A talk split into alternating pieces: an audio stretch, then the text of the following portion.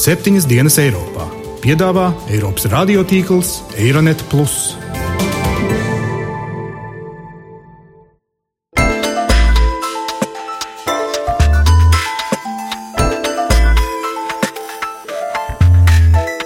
Šonadēļ septiņas dienas Eiropā dzirdēsim.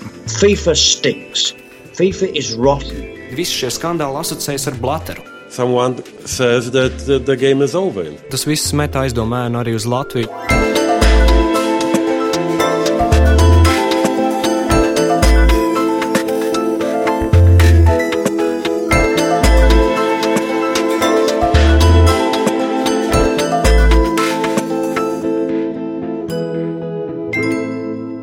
Labdien, godējamie klausītāji! Latvijas radio studijā Kārlis Streips. Sveicam jūs jaunākajā septiņas dienas Eiropā. Tas ir raidījums, kur skatāmies, kā viss, kas notiek Eiropā un pasaulē, un kaut kādā mērā ietekmē arī mūs tepat Latvijā. FIFA ģenerālsekretārs Žeroms Valke preses konferencē Krievijā apstiprināja, ka tiek atlikts 2026. gada pasaules kausa piedāvājumu iesniegšanas process, apgalvojot, ka būtu muļķīgi pašreizējā situācijā to uzsākt. Tā lemts dēļ Šveices un ASV uzsāktās izmeklēšanas par negodīgu pasaules kausu turnīru piešķiršanas procedūru. FIFA ētikas komiteja pagājušajā gadā gan ziņoja, ka nesot pietiekamu pierādījumu, lai Krievijai un Katarai atņemtu pasaules kausa rīkošanas tiesības, Toties FIFA revīzijas komitejas galva Dominiko Skala ir teicis, ka šāda iespēja pastāvētu, ja parādītos jauni pierādījumi. Krievijas prezidents Putins asi kritizējis ASV izmeklēšanu, apgalvojot, ka tā tikai vēlas iegūt vairāk ietekmes FIFA, novācot tās godīgo prezidentu Zepu Blateru, un turklāt arī cenšas nozagt Krievijai pasaules kausu pēc trīs gadiem. Tādēļ šodien raidījumā runāsim par nu jau šķietami nebeidzamo FIFA skandāla sāgu, un vai gadījumā visa šī ažiotāža nav tikai kārtējā ASV ģeopolitiskā konflikta ar Krieviju izpausme. Toties vispirms uzklausīsim dažus viedokļus par lielajiem zvaniem, kas Grieķijai jau sit 12. stundu. Vai tiešām premjerministram Ciprām un Grieķijas valdībai finanšu pasaulē nav palicis neviens labvēlis?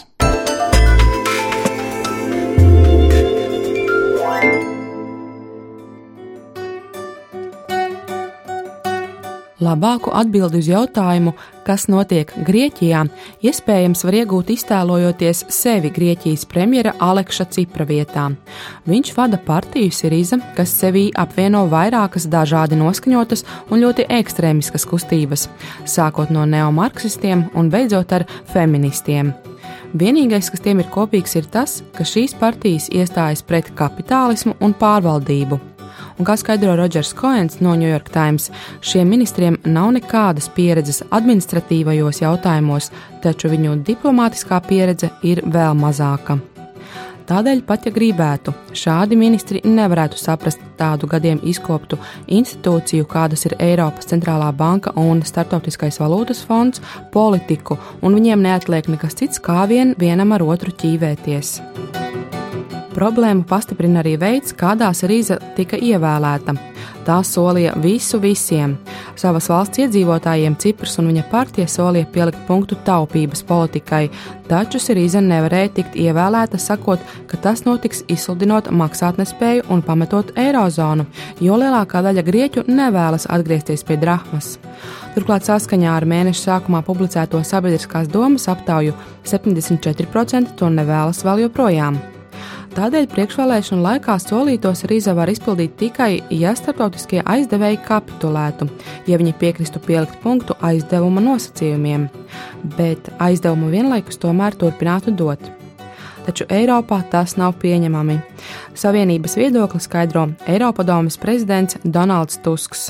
It's my opinion that uh, Greek government Manā skatījumā Grieķijas valdībai ir jābūt nedaudz realistiskākai. Šeit nav vietas kauliņu spēlei vai riskam. Tam vienkārši nav laika. Dienas rit, un man ir bail, ka kāds drīz pateiks, spēle ir galā. Grieķija ir atlikusi kārtējo procentu maksājumu Startautiskajam valūtas fondam un vienojusies, ka atmaksās naudu visu vienā maksājumā, nevis pa daļām, kā tas bija runāts iepriekš. Jaunais gala termiņš 30. jūnijas nozīmē, ka Cipras uz abām pusēm rauties vairs ilgāk nevarēs. Viņam būs jāpanāk vienošanās ar kreditoriem. Taču arī tad iznākums var nebūt viennozīmīgs. Ja vienošanās tiek panākta, tas var sašķelt Sirīzu un būs jāizsludina jaunas vēlēšanas. Lai gan Cipras savu amatu varētu arī saglabāt, viņam varētu nākties pārdefinēt sevi kā centriski labējo, un tas nozīmētu savu kolēģu nodošanu. Otra varianta gadījumā, ja vienošanās ar aizdevējiem netiks noslēgta, tas varētu nozīmēt Grieķijas maksātnespējas izsludināšanu un kaunpilnu Cipra padzīšanu no amata. Šobrīd pasaules presē par FIFA skandālu plējādi klīst visdažādākās baumas, turklāt vairākas smeķīgas sazvērestības teorijas, to starp Tas ir tikai PR gājiens, lai ļaudis noskatītos FIFA producēto kinofilmu par Zepa Blatera un organizācijas vēsturi. Citu teoriju izplata Zepa Blatera meita. Viņa apgalvo, ka tēvs ir noslēpumainas sazvērestības upuris un aģentūras, kas cenšas viņu iznīcināt, pārstāv tumsas spēkus. Vēl ir ļaudis, kas, protams, uzskata, ka, kā jau vienmēr, ebreji ir pie vainas, Šī sazvērestība liecina, ka FIB aresti ir tīšām izvērsti, lai izjauktu palestīniešu ieceres pieprasīt Izraēlas izslēgšanu no FIFA. Tad vēl ir sazvērestības teorija kopa Amerika vainīga. Šādas teorijas piemērs Amerika ir nobežījusies par to, cik populārs kļuvis futbols. Līdzīgi kā kādreiz nepatika Džimija Hendriksa pēkšņais popularitātes pieaugums. Tālāk Amerika nolēmusi FIFA iznīcināt, tieši tāpat kā toreiz nogalināja nabaga Džimiju. Un noslēdzot vēl Maskavas un Putina favorīts - ASV antikrievijas sazvērestība.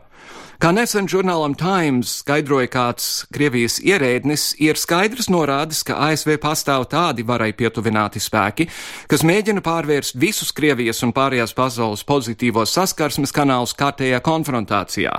Un pat, ja FIFA bija kukuļošana, kāpēc, tad amerikāņi tikai tagad tam pievērš uzmanību. Tikai tāpēc, ka FIFA noraidīja ASV senatoru prasību atsaukt Krievijas tiesības rīkot čempionātu.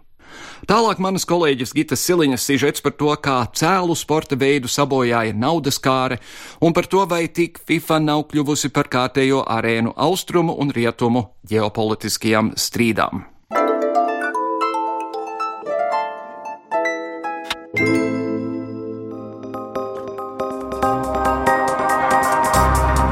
Mēs runājam par skaistāko un kaislīgāko sporta veidu pasaulē. Tā nesen Diego Maradona sacīja ekskluzīvā intervijā raidkompānijai CNN bijušais Argentīnas futbola kapteinis, kurš tālajā 1986. gadā izcili, bet arī skandalozi pateicoties savai dieva rokai, vadīja savu komandu pasaules kausa izcīņas fināla spēlēs Meksikā, līdz ar kārtējo FIFA skandālu pēdējos mēnešos bija uzsācis pārsteidzošu uzbrukumu Startautiskās futbola federāciju asociācijas prezidentam Zepam Blateram jo tāpat kā daudzi citi patiesi futbola sabiedrības entuziasti uzskatīja, ka šim vīram FIFA vadības stūre ir jāpamet. Vēl aprīļa sākumā Blaters atklāja, ka vēlētos īstenot jaunus pasākumus, lai mazinātu Eiropas ietekmi futbolā. Tāpat viņš bija izteicies, ka Āfrikas un Ziemeļamerikas, Centrālamerikas un Karību valstu zonas komandām vajadzētu piešķirt vairāk vietas pasaules kausa izcīņas fināla turnīrā. Tikmēr šveicieša oponenti pauda bažas, ka sacensības par vietu dalīšanu nākamā pasaules kausa izcīņas fināla turnīrā ietekmēs balsošanu par FIFA prezidenta amatu. Tā arī notika, un jau jūnija sākumā mēdīju ziņās varējām lasīt, ka Blateru ievēlēja asociācijas prezidenta amatā uz piekto termiņu. Taču jau pēc dažām dienām viņš atkāpās no amata, kurā bija pavadījis 17 gadus. Gandarījumu par to mēdījiem pauda gan Anglijas futbola asociācijas vadītājs Gregs Daigs, arī UEFA prezidents Mišels Platinī, gan vēl viens prezidenta amata kandidāts Luīš Figu, taču skuma piemēram Zambijas futbola asociācijas vadītājs Kaluša Bvālijā bet līdz tam futbola leģenda Maradona savās pārdomās bija ļoti emocionāls un daudzu iespējams noklusētās domas pateica skaļi. Hace mucho tiempo que, que Blatter se debería haber ido.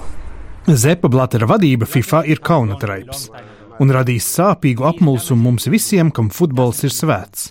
Es tikai lūdzu Dievu un savu mammu, kas ir debesīs. Kaut man būtu iespēja dabūt laukā šo vīrieti no FIFA un dot cilvēkiem to, ko viņi ir pelnījuši. Es gribu pārskatāmību. FIFA darbojās kā mafija. Es gribu, lai beidzot tiek pielikts punkts korumpētiem līgumiem.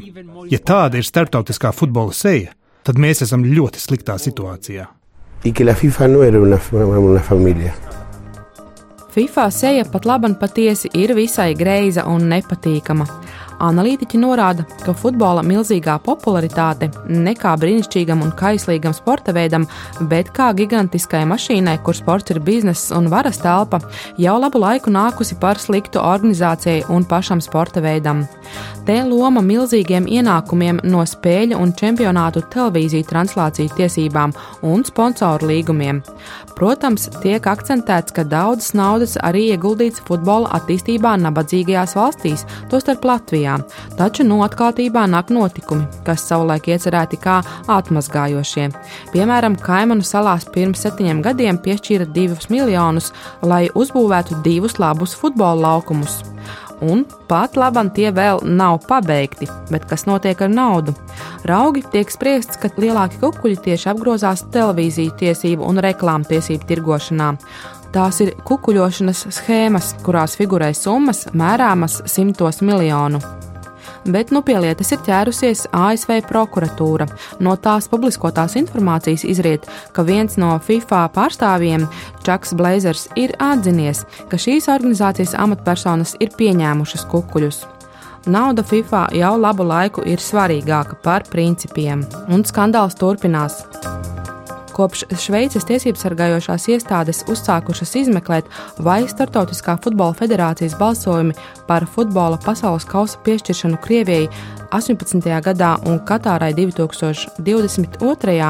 bijuši negodīgi un būtu atceļami, Eiropas un pasaules futbola aprindās ir jautājums, kas tad notiks ar FIFA un vai pēc šādiem skandāliem organizācija vispār spēs attapties. Savukārt tam paralēli izskan viedoklis: aizmirstiet par sportu. Tā ir ģeopolitiska cīņa pret Krieviju. Tāpat, piemēram, ģeopolitikas analītiķis Ēriks Dreicers uzskata, ka šajā gadījumā vairs nav runa ne par futbolu un pat ne par korupciju, bet patiešām par ģeopolitisku spēli ar ASV un tā sabiedroto rietumos interesēm.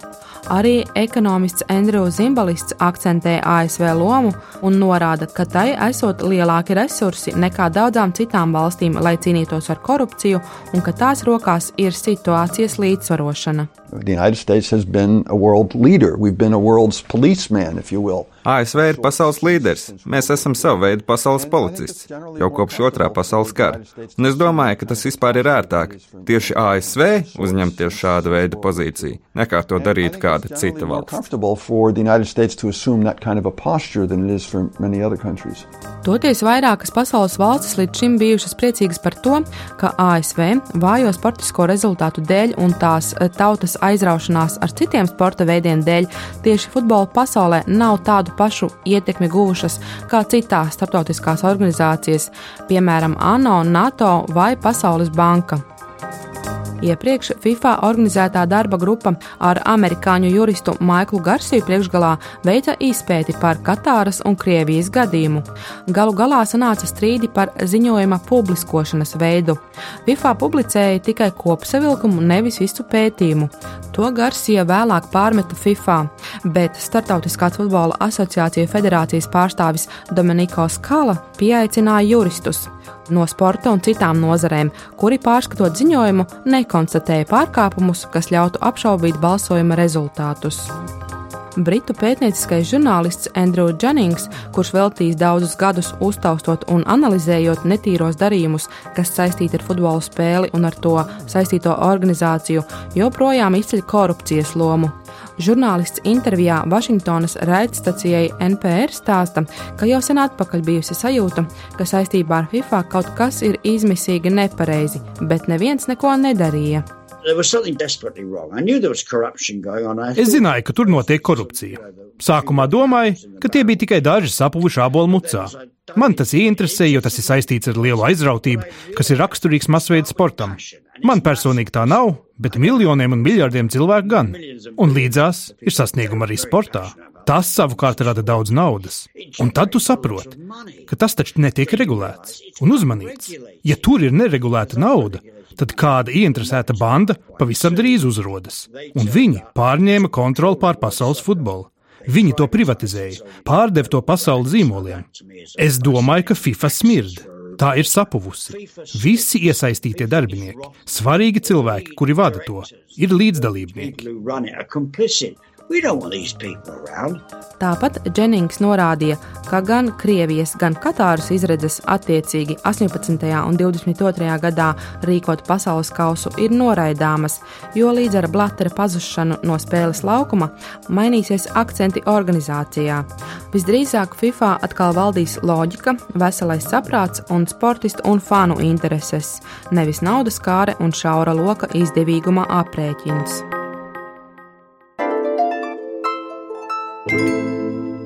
Lai uzzinātu, cik reāli varētu būt tas, ka Krievijai tiktu atņemtas nākamā futbola pasaules kausa rīkošanas tiesības un kā uz pēdējā laika starptautiskās korupcijas skandāliem skatās Eiropas un Latvijas futbola aprindas, uz sarunu studijā esam aicinājuši sporta žurnālistu un futbola komentētāju Ilvāru Kosinkeviču. Labdien! Labdien! Un pie telefona ir Latvijas Futbola federācijas ģenerālsekretārs Jānis Mežeckis. Labdien! Jā, labdien! labdien. Sāksim, Mežecka kungs, ar tādu jautājumu, kā jūtas Latvijas futbola saime? Spēlētāji, treneri, visi pārējie tagad, ka šādas šmuces ir atklājušās. Nē, nu es domāju, ka tagad vispār par tām šmucēm neviens nedomā. Visi domā par spēli ar Holandu. Tas ir tas galvenais mūsu pasākums, kas mums notiek. Tāpat mums spēlē gan Olimpiskā izlase, gan 23, tāpat arī 19 gadīgie, bet tas ir cits jautājums. Mēs ar to lietu galīgi nesaistām neko kopā. Mēs darām savu darbu un strādājam tālāk. FIFA skandāla kontekstā daudz ir runāts par to, ka ļoti maziņas valstiņas no FIFA ir dabūjušas ļoti, ļoti lielu palīdzību, arī tad, ja viņām nav īpaši labas futbola komandas. Kādas ir attiecības starp Latviju un FIFA? Nē, nu redziet, mums katreiz grēk žēloties. Skaidrs, ka mums lielāks atbalsts katreiz ir bijis un noteikti arī būs no EFA puses. Bet FIFA atbalsts nu, ir jūtams ar visiem GO projektiem un ar uh, finansiālo palīdzību, kas, protams, priekš mūsu visu budžetu varbūt nav tas pamatbudžets, kas varētu būt mazām valstīm. Jo 209 valsts katru gadu, katru ciklu saņem no FIFA miljonus dolāru. Es domāju, priekš tādām mazām valstīm, kādas ir kaut kur Āzijā, Salas un Āfrikas, skaidrs, ka tas ir viņu pamatbudžets. Arī, mm -hmm. Viņiem varbūt arī tāpēc arī vairāk ir valsts tieši Latvijas pusē. Un katra dabū miljonu dolāru, neskatoties, vai tā ir Vācija ne, vai, vai tā ir Ķīna vai tas ir Sanmarīna. Katrs saņem. un tagad tie apmēri vēl arī palielinājušies. Un savā laikā Latvijas pēc pasaules čempionāta beidzamā Brazīlijā, kur nu bija lielāka peļņa vēl palielināja to palīdzību atkal visām valstīm vienā. Jo to, kas notiek, kas jūs, protams, žurnālisti arī interesē, visas šie korupcijas lietas, viss, tas nu, galīgi nekādi nav saistīts ne ar vienu no tām federācijām, kuras es pazīstu kuras es zinu. Bet vai jums ir, ir pamats domāt, ka varbūt arī Latvijā kaut kāda kukuļošana kādreiz ir notikusi? Mm, nekādā gadījumā. Mēs jau galīgi neesam tajos procesos iesaistīti. Pat tīri teorētiski mēs nevarētu būt. Ja kāds no mūsu uh, federācijas pārstāvjiem būtu bijis FIFA izpildu komitejā, kas pieņēma lēmumus tieši par fināla turnīru rīkošanu, tad būtu cits jautājums. Ir teorētiski, tas varētu, bet tagad, tā kā mēs tur neesam tik augsts, neviens ticis, tā kā tur pat nav nemaz runa. Mm -hmm. Ir pat teorētiski, tas ir izslēdzams. Kas konkrēti Latviju pārstāv FIFA? Tad, kad, piemēram, ir laiks balsot par, par prezidentu un par, par valdes locekļiem, tas esat jūs? Nē, vai? par valdes, jā. Es esmu jau FIFA kongresos sākot no 94. gada bijis, mm. kad bija Avalanche un Laters bija ģenerāls sekretārs. Un visos šajos kongresos es esmu piedalījies. Tas ir katrai federācijai, kā es arī pirms tam teicu, gan San Marino, gan Ķīnai, gan Amerikai un Krievijai, ir viena balss. Vai Latvija balsoja par Blatera uh, jaunu termiņu? Jā, mēs nobalsojam par Blateru. Arī zinot, ka trīs dienas pirms tam Nē, bija. Nu, redziet, kā, nu, tas nevis trīs, tas bija diena pirms. Jā. Sākās tie aresti un visi šie korupcijas nu, skandāli, kas vēl tagad arī turpinās. Bet tas mums bija valdes sēde. Mēs jau pirms tam valdes sēdē, pirms tiem skandāliem arī mēs jau arī mūsu pilnvaroja balsot par Blateru. Bet sākot ar tiem arestiem, nu, vienu dienu pirms es nedomāju, ka tas viss bija negaidīti, tas viss bija plānot. Es domāju, ka tas bija Vismaz izskatās, ka tas nebija negaidīts. Kā es arī vienā no intervijām teicu, šeit nekādā gadījumā man nav nekas pret princu Ali Viņi gan es nepazīstu tik labi kā Blatter, kur es zinu ilgus gadus kā FIFA prezidents, bet tas pats Princis Ali, nu, viņš nenāk no futbola valsts. Es nedomāju, ka viņam ir tāda arī pieredze, neskatoties uz to, ka viņam ir laba izglītība, laba angļu valoda. Šeit bija tā alternatīva, mums vajadzēja izšķirties, un es domāju, ka šeit Eiropas balss sadalījās. Mm. Ja būtu bijis pārstāvs tas pats Mišels Platīnijas, es domāju, ka viennozīmīgi viss nobalsot par Platīniju. Un es ceru, ka nākotnē tā tas arī būs. Ģenerālsekretārs Jānis Mežģētis, visu labu! Arī veicās, vislabāk! Vai mums ir iemesls ticēt, ka Latvijā nekāda kukuļošana nav notikusi, ja reiz tas ir bijis ar tik plašu vērienu? Protams, ka tas viss met aizdomēnu arī uz Latviju, ņemot vērā arī kāds bija Latvijas futbola federācijas balsojums attiecībā uz um, šiem diviem kandidātiem un par labu Blateram, kur jau bija šī aizdomēna un tas, kas uh, šodien uh, sarunā ar Mežetsku ir izskanējis, vismaz ir izskanējuši jau daži argumenti, kāpēc mēs uh, lēmām tā vai tā. Tad, kad eh, bija pirmās intervijas un eh, no Mežetska puses izskanēja tie argumenti, tad pirmais, nu, var teikt, galvenais arguments bija tas, ka Blaters ir no Eiropas un eh, Jordānijas princis nav no Eiropas. Es atvainojos, tas nav arguments. Tad, principā, ir jāiet cauri tām lietām, kas ir tie iemesli, kāpēc par Blateru tomēr balsoja par spīti visiem šiem notikumiem. Un, ja iet jau mazliet dziļāk šajās lietās, tad ir skaidrs, ka šīs attiecības ir ļoti labas. Guns Indriksons jau gadiem spēlē ar Blateru golfu, un skaidrs, ka Guns var vienkārši pie, pie Blatera un pateikt, vai tu varētu mūs atbalstīt, mums vajag tur uzbūvēt kādu laukumu, mums vajag kādu stadionu uzbūvēt un tā tālāk. Un šādā veidā var argumentēt, kāpēc eh, tā izvēle tomēr ir par Blateru, bet te pašā laikā tas, ka morālas, ētiskas problēmas raisa arī, jo tomēr tas fons ir tāds, kāds tas ir, tad ir vai nu jāatsakās no šī balsojuma, vai balso pret, vai kā citādāk, bet vienkārši tīri morāli tu paēji līdzi tajam visam, var teikt, korupcijas palagam, kas tur ir. Principā ir tā, tā kā Latvijas Futbola Federācijas darbs ir strukturēts pēdējos pēdējos gados kad ir nākuši jauni futbola speciālisti iekšā šajā federācijā, jaunas, var teikt, asins, tad eh, tā sajūta ir, ka tas darbs notiek eh, korektāks, vairāk tiek atspoguļots, kā tā finanšu plūsma viss notiek, bet kas notika pirms pieciem, pirms desmit gadiem, var tikai zīlēt. Tā pati kompensācija, kas bija Latvijas valstsvienībai, kad tā iekļuva Eiropas čempionāta fināla turnīrā, var tikai minēt precīzi, cik kurš ko saņēma. Jā, spēlētājiem maksāja prēmijas, labi, viņi paveic šo lielisko darbiņu, viņi tik tajā fināla turnīrā, bet cik kuru visi pārējā naudiņa aizgāja, to neviens šobrīd tā skaidri un gaiši nevar parādīt. Tās papīra lietas tikai pēdējos gados ir sakārtojušās, un var teikt, atraujot arī no šī lielā skandāla jau tādas dažādas aizdomu ēnas ir par Latvijas futbolu un to, kā tā naudiņa tiek apsaimniekot jau iepriekšējos gados, un tagad, kad tas viss savīs kopā, tad tas, protams, neizskatās īsti labi, vai ne? Un, un tur nav runa tikai par FIFA, tur ir runa par plašāko sistēmu.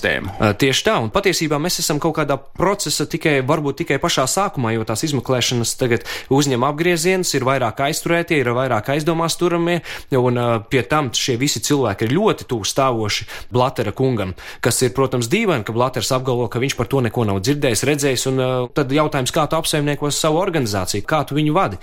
Bet tai pašā laikā, ja ir dažādām saliņām tur maksāts šie kukuļi, tad uh, kāds tur pārsteigums, tad tādai mazai Latvijai arī kāds būs kādu kukulu maksājis, un tā naudiņa būs kaut kādā citādākā veidā atnākusi, ne, ne tā kā varbūt vajadzētu jo beig beigās, lai ievēlētu prezidentu, un pēdējos gados tas Aleš bijis ir Blaters, tur visām federācijām ir jābalso. Un, lai šīs balsis savāktu, lai būtu šis vairākums, tad ir vajadzīgs, lai tās balsis būtu, un tādā veidā jau tas tīkls arī veidojās, kā mēs tagad atklājam.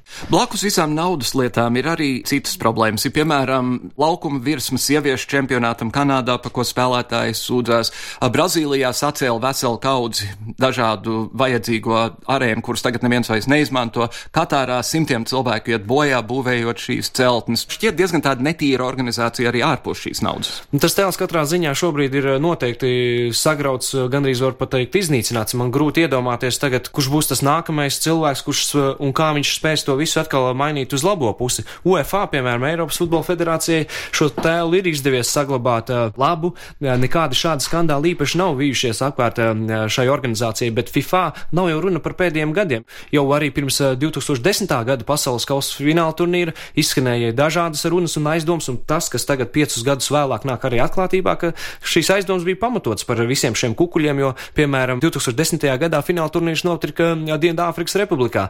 Pirmo reizi turnīrs vispār notika Āfrikā, kas arī bija tāds zināms pārsteigums un liela jautājuma, vai vispār šī valsts ir gatava, vai Āfrika ir gatava ar visām savām finansēm, un tad arī izriet tās visas nākamās sekas, ka Mēs varam turnīru uztaisīt, Brazīlija arī uztaisīja turnīru, bet kas pēc tam notiek, ka uzbūvēts stadions pilsētā, kur kaut kādu laiku nav bijusi elites komanda Brazīlijas Premjerlīgā, un, un tas, tās, protams, nozīmē lielas izmaksas, pēc tam lielas seks te valstī. Tā kā tā pati Grieķija droši vien par olimpiskajām spēlēm ļoti ilgi vēl atcerēsies to visu stāstu. Nemaz nerunājot par to, kas notiktu, ja kaut kāda nāktu doma šeit tā kaut ko rīkot. Jā, nu šeit Eiropas čempionāts. Tas... Jā, skaidrs, ka Baltijas valstīs mums laikam labā vai sliktā nozīmē, bet nespīd laikam tas grēks, bet tas, ka, piemēram, notikums, eh, bet tas, ka izvēlās Kataru, kas eh, nekad FIFA rangā nav bijis augstāk par 51. vietu, šobrīd atrodas pašā simtnieka beigās, Latvija ir augstāk, tad ir skaidrs, kāds cits var būt aizdoms, ka šī valsts burtiski ir, zinot tās finansiālās iespējas, ir nopirkusi šo turnīru. Un tikai tad, kad, eh, piemēram, Katra 2022. gadā tika izvēlēta, tad tikai sāka saprast, ka, redz, vasarā tur ir karsts, tur spēlēt īsti nevar, tur spēlētāji mirs nostāja laukumā, līdz te droši vien vēl ātrāk tajās tribīnēs.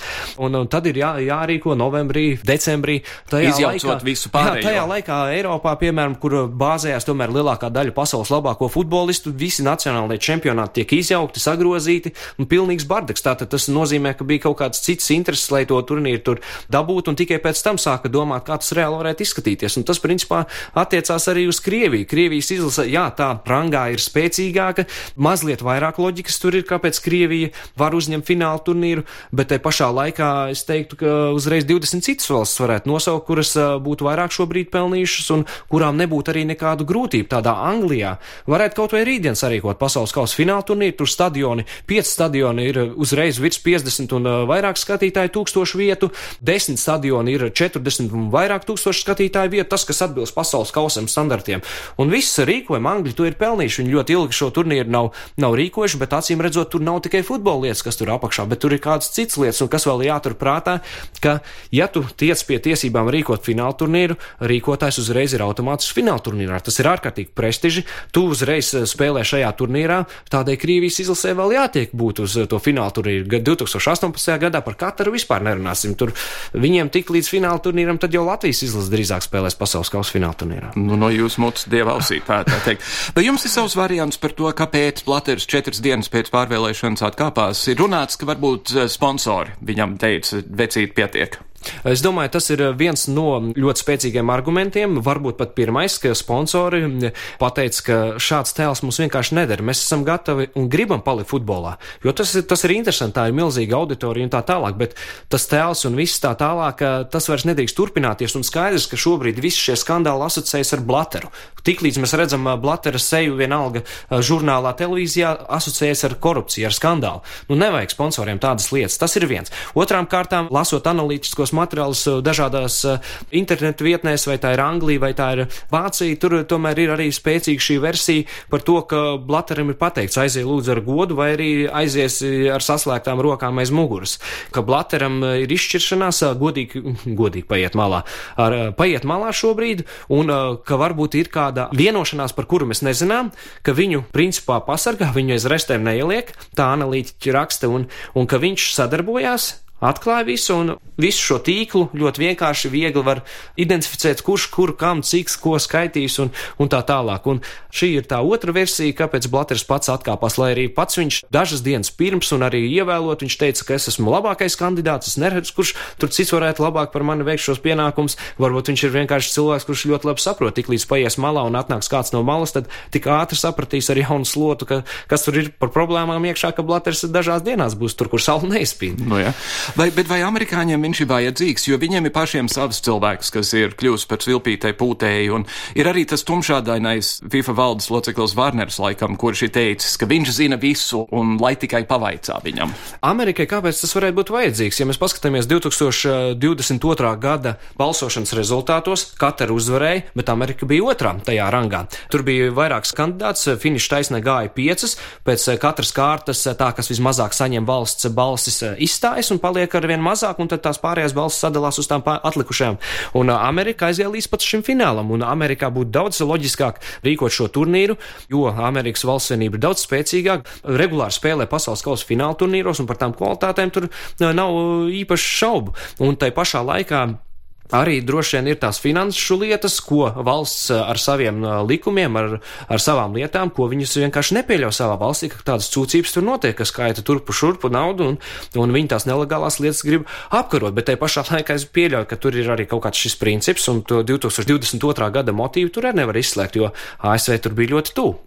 Vai jūsuprāt, Mežģītska kungam ir taisnība, ka futbola pasaule vispār par šī, šīm lietām nedomā un vienkārši turpina spēlēt tālāk? Nē, tā noteikti nav. Īpaši tās lielos, kas ir futbolā un nosaka toni, tās ir vienkāršā valodā sakot ļoti satspušās. Anglija, Anglijas pārstāvs, piemēram, kurš ir arī šajā FIFA izpildu komitejā, kurš balso arī par tām kandidātēm, kas rīkos fināla turnīrus, viņš vienkārši pateica, ja Blateru pārvēlēs, vienkārši ej prom, lai arī viņam būtu izdevīgi tur atrasties izpildu komitejā un vispār FIFA organizācijā, jo atalgojumi, kas tur ir un vispārējais, tas ir ārkārtīgi ienesīga lieta un tu savu dzīvību esi nodrošinājis. Bet šīs lielās valsts par to runā un Angļi principā cepās par to jau gadus piecus, jo viņi jau cerēja mazliet ātrāk tikt pie šī fināla turnīra. Tagad viņi lika visu akcentu uz 2018. gadu, un šajā 18. gadā, kur bija pēc tam šīs četras kandidātas, jo pirmajā kārtā Angļi tika izdzīti ārā no tās mm. saimnes, viņi nesaņēma pietiekami daudz balsu.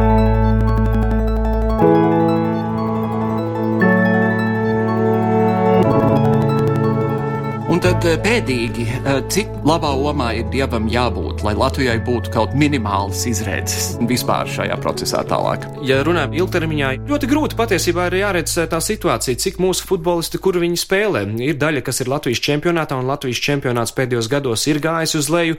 Vairs nav to turīgo cilvēku, kas ir gatavi vienu vai otru komandu pastutēt. Tās sponsoru naudas ir katastrofāli vienkārši gājušas leju. Futbola klubs Ventspils gandrīz vienīgais, ko var atzīmēt, kam ir šie naftas uzņēmumi pārstrādes uzņēmumi, kas atbalsta šo komandu, bet citādāk pārējiem klubiem ir ārkārtīgi grūti. Tad ir jācer uz tām atsevišķām mazām cerībām, zvaigznītēm, kas notika piemēram pagājušajā sezonā futbola klubā Liepāja, kad tāds Jānis Ikaunieks ļoti jauns, talantīgs, tiešām talantīgs, nevis uzpūsts talants, daudz vārdus iesita, atzīmējās šeit, un Francijas elites līgas klubs to brīdi vēl meca, bija gatavs samaksāt solīdu naudiņu un uh, nopirkt mūsu spēlētāju. Un, mēs varam balstīties tikai uz to, ja mums pa šiem vienā, otrā, trešā klubā pa šādai mazai zvaigznītei izlec, ka tās zvaigznītes tiek ārzemēs, vismaz kādā polijas līmenī, polijas ekstraklases līmenī, kas nav slikts līmenis, galu galā Arčams Rudņevs, kurš spēlē Vācijas Bundeslīgā arī caur turieni, caur to sietu gāja, ka viņi spēlē regulāri savās komandās un pat var teikt ir līderi, kā piemēram Andris Vaņins Šveicē Sionā jau sešus gadus spēlē stabili pirmais numurs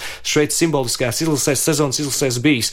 Tādi spēlētāji mums ir vajadzīgi. Jā, tie varbūt nebūs Anglijas Premjerlīgā, līdz turienē mums tikt ir ārkārtīgi grūti, bet kaut vai Šveices čempionāts, Polijas Latvijas čempionāts, Čehijas čempionāts. Esam labi tajā līmenī, lai mums ir tie 20, 25 tādi spēlētāji, un tad mums ir cerības. Bet šobrīd tā situācija nav, protams, tik pateicīgā. Ir daži atsevišķi līderi, kas savās komandās spēlē vadošās notis, bet eh, tai pašā laikā daudzi cīnās pat tai pašā polijā ar problēmām, lai tiktu vispār sastāvā. Tā kā tā gaisma tuneļa galā, es nezinu, vai šobrīd ir, varbūt tur svecīti degšana. Sporta žurnālists Ilvars Kostinkēvičs, paldies par sarunu. Paldies! Sens reliģisks princips, ko sanskritā dēvēja par ahimsa, nozīmē nenodarīt ļaunu. Nenokaut, nelietot varu, nedarīt pāri nevienai dzīvai būtnei nekādu un nekādā veidā, ne domās, ne vārdos, ne darbos. Šāda rīcība veicina ļaunuma mazināšanos pasaulē, jo vērstu pret pašu ļaunumu, nevis ļaunuma sekām. Mēs septiņas dienas Eiropā neesam ļauni, bet, kā līgi bez grēka, arī gluži neesam. Krievijas agresija Ukrainā turpinās. Eiropas parlamenta jaunākās paaudzes pārstāvji meklē un piedāvā risinājumus. Portāla Delfi žurnālists Filips Lastovskis komentē deputāta Gabriela Landsberga Eiropas parlamentā prezentēto ziņojumu, kurā viņš aicināja deputātus izveidot nevardarbīgu ārkārtas rīcības plānu. Strasbūrā tika prezentēts Gabriela Landsberga ziņojums par, uh, kurš ļoti kritisks par Krievijas un Eiropas Savienības attiecībām. Un Landsbergs, uh, ieskatot gan sankciju attīstību, gan Krievijas mēdīju propagandu, gan līdzdarbību Ukrainā un Krimas okupāciju, viss ir salikts vienā dokumentā, salikts visu pa punktiem un aicina, ņemot vērā šos punktus, aicina pārējos deputātus izveidot ārkārtas rīcības plānu kā Eiropas parlamentam un Eiropas Savienībai vajadzētu rīkoties, lai cīnītos pret šo Krievijas ietekmi Eiropā. Arī sociālisti Eiropas parlamentā, kas ļoti bieži ir atturīgāki pret asiem nosodījumiem, kas vērsti pret Krieviju. Diezgan daudz no sociālistiem atbalstīja arī šoreiz Landsberģa ziņojumu, un ziņojums tika apstiprināts ar salīdzinoši lielu atbalstu. Protams, kā jau ierasts, bija arī radikālais flanks Eiropas parlamentā, kas ziņojumu atkritizēja, cēlās kājās Lielbritānijas un Francijas nacionālisti, kurus cits pie krūtīm un teica, ka nekāda Krievija nav okupēta. Taču nu, viņiem tas ir jāsaka, jāatceļās, kāpēc viņi jādara, jo nu, viņi spēlē saviem vēlētājiem un grūti noticēt, ka viņi tiešām tic tam, ko paši saka. Katrā gadījumā arī viņu, viņu teiktais tika momentā atspēkots, un arī Latvijas Eiroparlamentārieši bija viena no tiem, kas aktīvi iestājās pret šādu kritiku, ko šie franču nacionālisti un britu nacionālisti mēģināja teikt. Tostarp viens no kritiķiem, tostarp bija arī Latvijas Eiroparlamentārietis Andrejs Samiekins, kurš tā retoriski vaicāja Nu, vai tad mums pašiem ar šiem Krievu iedzīvotājiem, par kuriem mēs nosakām sankcijas, pēc tam nu, nav jāsadarbojas? Kāpēc mēs gribam nodarīt pāri vienkāršiem Krievu iedzīvotājiem un nu, mēģināt šādiem populistiskiem gājieniem apturēt to ziņojumu, bet, nu, protams, nesakamīgi. Ar to arī izskan šīs nedēļas septiņas dienas Eiropā. Tas ir tiešām ļoti, ļoti, ļoti, ļoti skumji, ka lielajos sporta veidos eh, pastāv kukuļošana un dažādi citi nedarbi. Tā tas kādreiz bija Olimpiskajās spēlēs, tagad tas ir futbolā. Cerēsim, ka izmeklēšana atklās, kas tur tik tiešām ir noticis, un atgriezīsimies pie tā laika, kad tas ir vienkārši sports. Paldies, dāmas un kungi, līdz nākamnedēļai! Visu labu!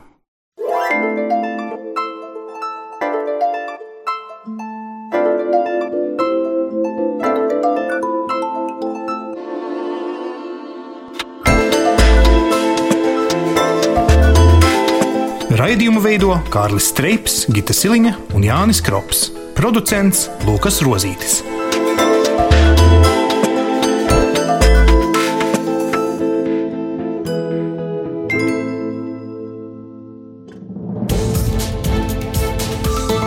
Visus Eironet plus sižetus un raidījumus meklējiet Latvijas radio mājaslapā.